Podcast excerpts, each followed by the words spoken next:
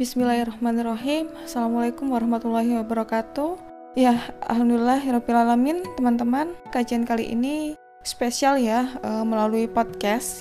Nah, untuk tema hari ini kita akan membahas tentang uh, tahun barunya kaum muslimin. New Year, New Me. Berarti tahun baru, aku yang baru, gitu kan. Nah, jadi kalau misalkan teman-teman nih lihat atau berpikir-pikir sebenarnya ada apa sih di satu Muharram itu? Terus kenapa ya kok uh, apa namanya kaum muslimin tuh punya kalender sendiri atau tahun sendiri? Gitu kan.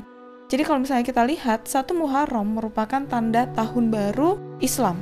Jadi di satu Muharram itu ada sebuah peristiwa. Peristiwa apa itu? Nah, itu adalah peristiwa hijrahnya kaum muslimin dari Mekah ke Madinah.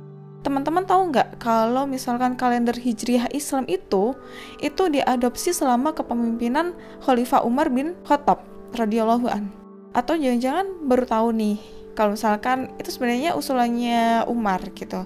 Jadi sebenarnya waktu itu ada sebuah kasus yang terjadi di uh, Khalif atau di suatu tempat tentang sebuah perjanjian yang dimiliki suatu orang Nah, orang ini tadi itu menyatakan bahwa jumlah orang yang berhutang itu sudah jatuh tempo. Nah, jatuh temponya itu di bulan Sakban. Terus, bingung kan? Jadi, Umar itu juga bertanya-tanya gitu. Sakban yang mana? Sakban tahun ini kita di tahun lalu atau tahun depan? Jadi ketika Umar menyadari ada sebuah permasalahan seperti ini, maka Umar memanggil para sahabat dan berkonsultasi dengan mereka tentang bagaimana kalau mengadopsi sebuah kalender yang kalender itu akan membantu mereka dengan kontrak semacam itu. Kayak tadi ya, eh, apa namanya adanya utang yang sudah jatuh tempo. Nah, kemudian ada seseorang yang menyarankan, gimana kalau misalkan mengadopsi kalender Persia? Terus ada juga yang menyarankan untuk mengadopsi kalender Bizantium. Tapi Umar pun menolak keduanya. Kemudian ada yang lainnya yang menyarankan gimana kalau penanggalan tahun baru itu dimulai dari kelahiran Rasul atau dari awal wahyu atau dari hijrah atau dari kematian Rasul. Nah, akhirnya setelah bermusyawarah atau berdiskusi, nah para sahabat ini mencapai sebuah keputusan bulat bahwa tahun barunya kaum muslimin atau kalender Islam itu diawali dari masa hijrah dan menetapkan bulan Muharram sebagai tahun Islam pertama. Nah, dari sini nih, bisa kita ambil sebuah kesimpulan. Penetapan kalender tahun baru Islam ditetapkan ketika Umar bin Khattab menjadi khalifah setelah beliau melakukan musyawarah dengan para sahabat Rasulullah Shallallahu Alaihi Wasallam. Nah, tapi kenapa kok yang dijadikan dasar penetapan tahun baru Islam itu bukan hari kelahiran Nabi atau bukan hari wafatnya Nabi, yaitu 12 Rabiul Awal, tetapi malah hijrahnya Rasulullah Shallallahu Alaihi Wasallam. Nah, akhirnya kan kita bertanya-tanya nih, jika yang dijadikan patokan adalah hijrahnya Nabi, mengapa tanggal 1 Muharram bukan bulan Robiul Awal? Padahal riwayat yang paling kuat tentang peristiwa hijrah menyatakan bahwa hijrah dilakukan Nabi dan Abu Bakar dari Mekah ke Madinah itu di bulan Rabiul Awal. Nah, ini nih, kita masuk ke asal muasalnya. Hijrah itu dijadikan sebagai kalender tahun baru Islam atas usulan Ali bin Abi Thalib. Kan tadi ya, Umar memanggil para sahabat yang lainnya, kemudian berdiskusi atau meminta pendapat kepada mereka, karena itulah hari di mana Nabi meninggalkan wilayah syirik.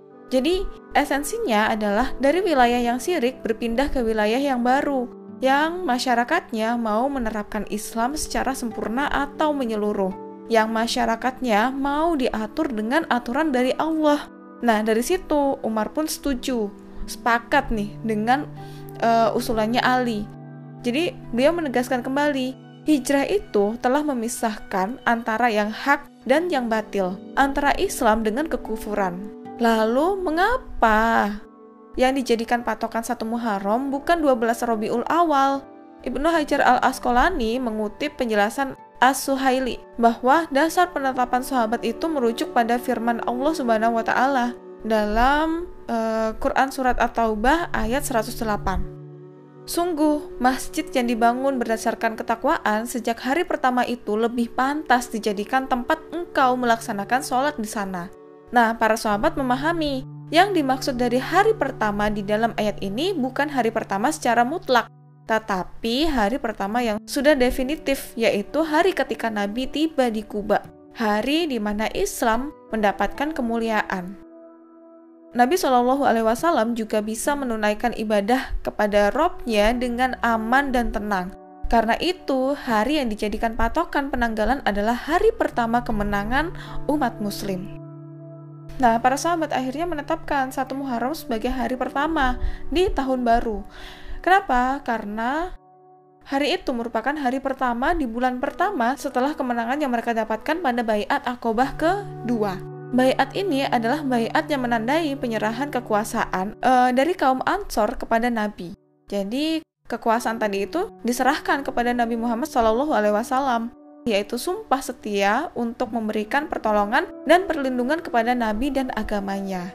Dan karena bayat akobah ini terjadi di pertengahan bulan Zulhijjah, maka awal bulan berikutnya yaitu satu Muharram ditetapkan sebagai hari pertama kemenangan itu. Maka dari peristiwa itu akhirnya kita tahu bahwa di balik peristiwa satu Muharram ada sebuah esensi dari sebuah kisah hijrahnya Rasul dan para sahabat ke Madinah. Apa itu? Ya tadi ya e, berpindahnya. Artinya kan dari sesuatu yang kufur, yang buruk, yang musyrik tadi itu berpindah kepada sesuatu yang baru. Barunya ini apa?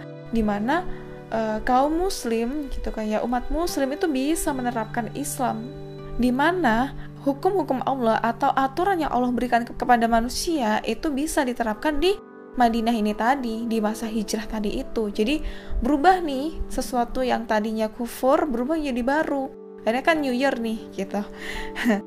Maka tahun baru kita itu juga harusnya seperti itu. Jadi dari diri kita yang masih belum mengambil Islam secara totalitas, yang mungkin masih sebagian-sebagian saja yang kita ambil, dengan ini gitu kan kita harusnya berubah menjadi muslim yang taat. Karena kan tadi ya esensinya adalah hijrah. Jadi uh, kita menjadi muslimah yang taat, yang patuh dalam menunaikan apa yang Allah perintahkan kepada kita, dengan menjadi anak yang solihah dan istiqomah dalam mengkaji Islam. Nah, anak solihah ini ya yang melaksanakan atau yang melakukan semua yang Allah berikan kepada kita, taat kepada Allah, kemudian senantiasa mendekatkan diri kepada kesempurnaan. Jadi, tidak mudah putus asa dalam meraih sebuah ketaatan. Nah, kalau misalnya kita lihat yang namanya ini ya tidak putus asa atau istiqomah atau konsisten. Nah, ini sesuatu yang sebenarnya berat karena apa? Banyak tantangan yang akan kita hadapi. Mulai kalau misalkan dulu ya ketika uh, kaum muslimin mempertahankan keistiqomahannya terhadap Islam itu kan banyak ya tantangan-tantangannya. Mulai dari uh, tantangan keluarga, kemudian sampai kalau misalkan Nabi Muhammad tuh ketika menyampaikan Islam tuh sampai dilempar batu gitu kan ya kemudian dilempar kotoran terus dihina gitu kan dibilang orang orang sihir lah gitu kan ya penyihir dan sebagainya gitu kan ya jadi ada yang sampai uh, dibuat kelaparan, disiksa gitu kan ya, disiksa, kemudian diboykot, kemudian diolok-olok, diejek gitu kan. Jadi tantangan untuk istiqomah itu besar, banyak gitu kan. Maka jadi kalau misalnya kita merujuk pada Quran surat Hud ayat 112 gitu kan ya yang terjemahnya adalah maka tetaplah kamu pada jalan yang benar sebagaimana diperintahkan kepadamu dan juga orang-orang yang telah taubat beserta kamu dan janganlah kamu melampaui batas. Sesungguhnya Dia Maha melihat apa yang telah kamu kerjakan.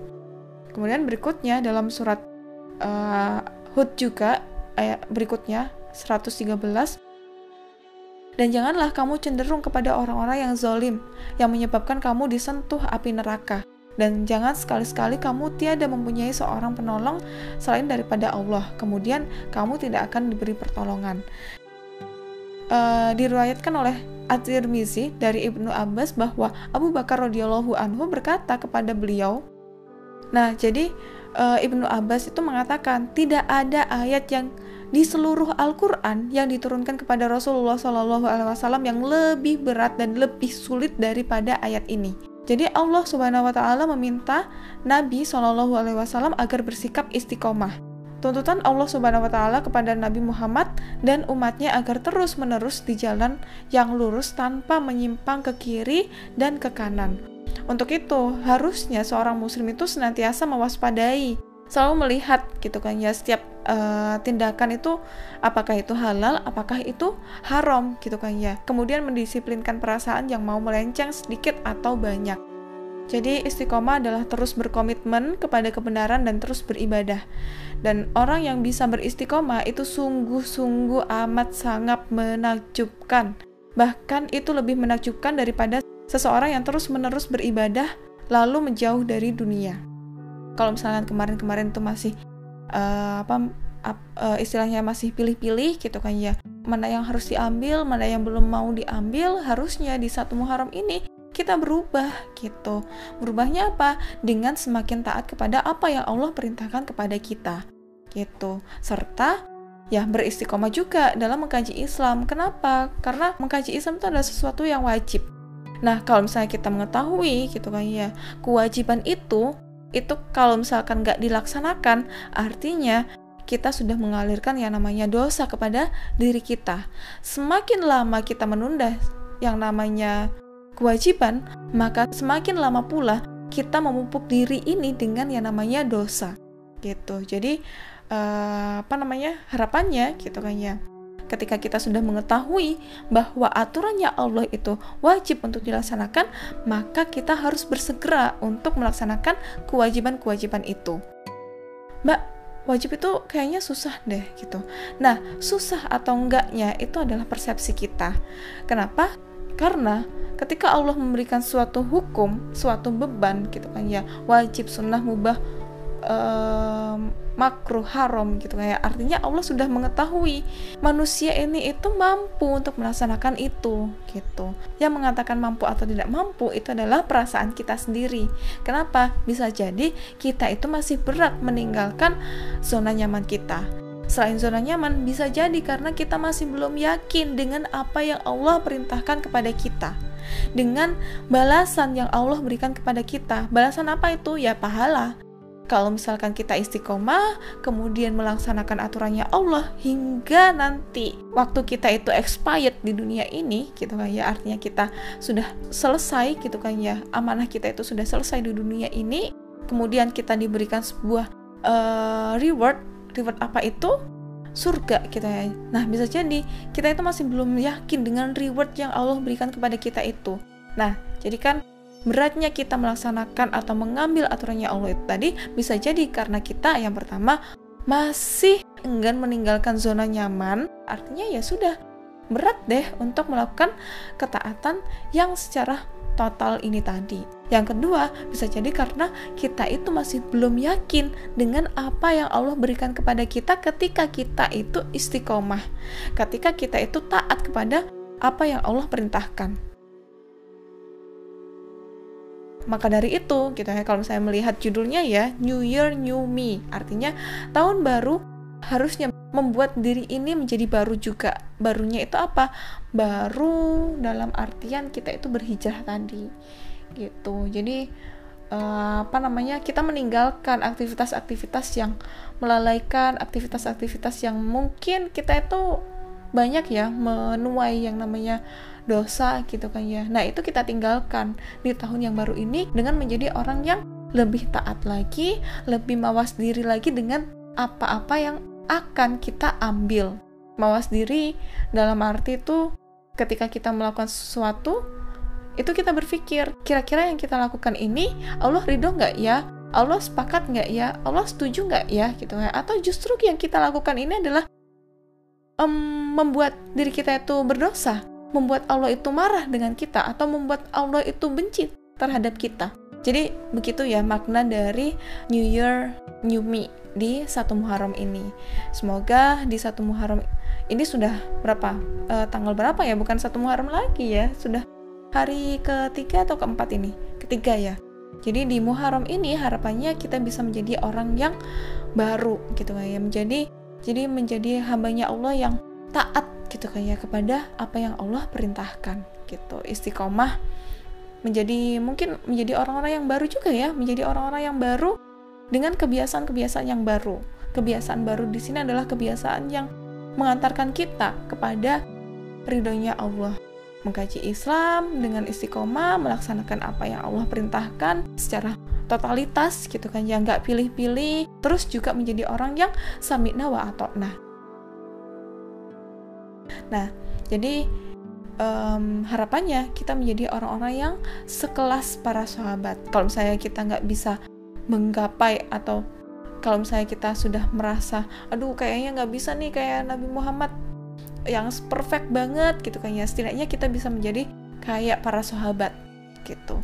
Menjadi karakter yang istimewa juga gitu kayak yang menggenggam yang menggenggam Islam gitu kayak kayak Bilal gitu kan ya. Mau disiksa kayak gimana pun juga mau ditimpa batu mau diseret di uh, apa namanya di gurun pasir beliau tetap istiqomah di jalan jalan Islam gitu kan ya.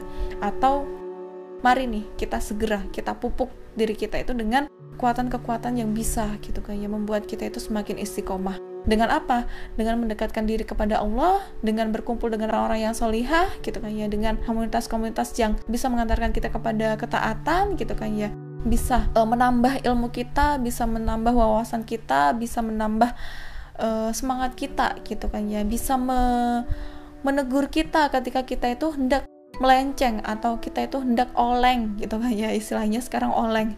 Jadi ketika jadi uh, nikmatnya ketika kita itu bersama dengan komunitas dengan jamaah gitu kan ya. Ketika kita itu mau oleng tadi itu kita ada yang mengalarm nih ada alert gitu kan ya.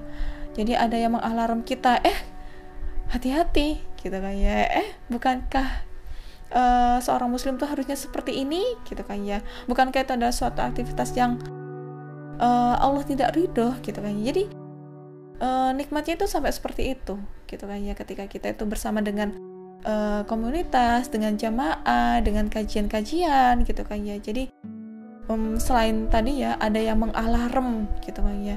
Kita juga bisa menanyakan sesuatu yang meragukan dalam diri kita. Kayak misalkan uh, kemarin gitu kan ya mau tanya tentang ekonomi itu seperti apa gitu kan ya. Nah ini insya Allah pekan depan ya gitu. Karena mumpung nih satu Muharram gitu kan ya. Jadi uh, kita manfaatkan Muharram ini dulu gitu. Jadi uh, enaknya ketika kita berjamaah tadi itu begitu. Kita kalau misalkan ada keraguan, ada kebingungan, ada dilema dalam diri kita, kita itu bisa bertanya. Jadi nggak bingung mau tanya ke siapa, bener atau enggaknya gitu kan. Tadi ya istilah-istilah malu bertanya sesat di jalan iya bener gitu kan ya kalau saya malu bertanya enggan bertanya kemudian kita masih tetap dilema gitu ya ya sudah gitu kan ya dalam perjalanan kita untuk meraih ridhonya Allah ya kita akan di uh, dihantui dengan yang namanya dilema. Bahkan kita jadi ragu-ragu untuk bergerak. Bener nggak ya? Bener nggak ya gitu. Jadi sampai seperti itu. Nah insya Allah itu gitu kan ya dari saya. Um, kalau misalkan ada tanya-tanya, ada yang dibingungkan, ada yang diragukan gitu kan ya, silahkan teman-teman bisa bertanya. Jadi kurang lebih itu, insya Allah kalau misalkan ada yang salah-salah, itu sepenuhnya dari uh, saya gitu kan ya. Karena kesempurnaan hanya datang dari Allah dan uh, kesalahan itu datang dari manusia gitu. Wabillahi taufiq wal hidayah. Wassalamualaikum warahmatullahi wabarakatuh.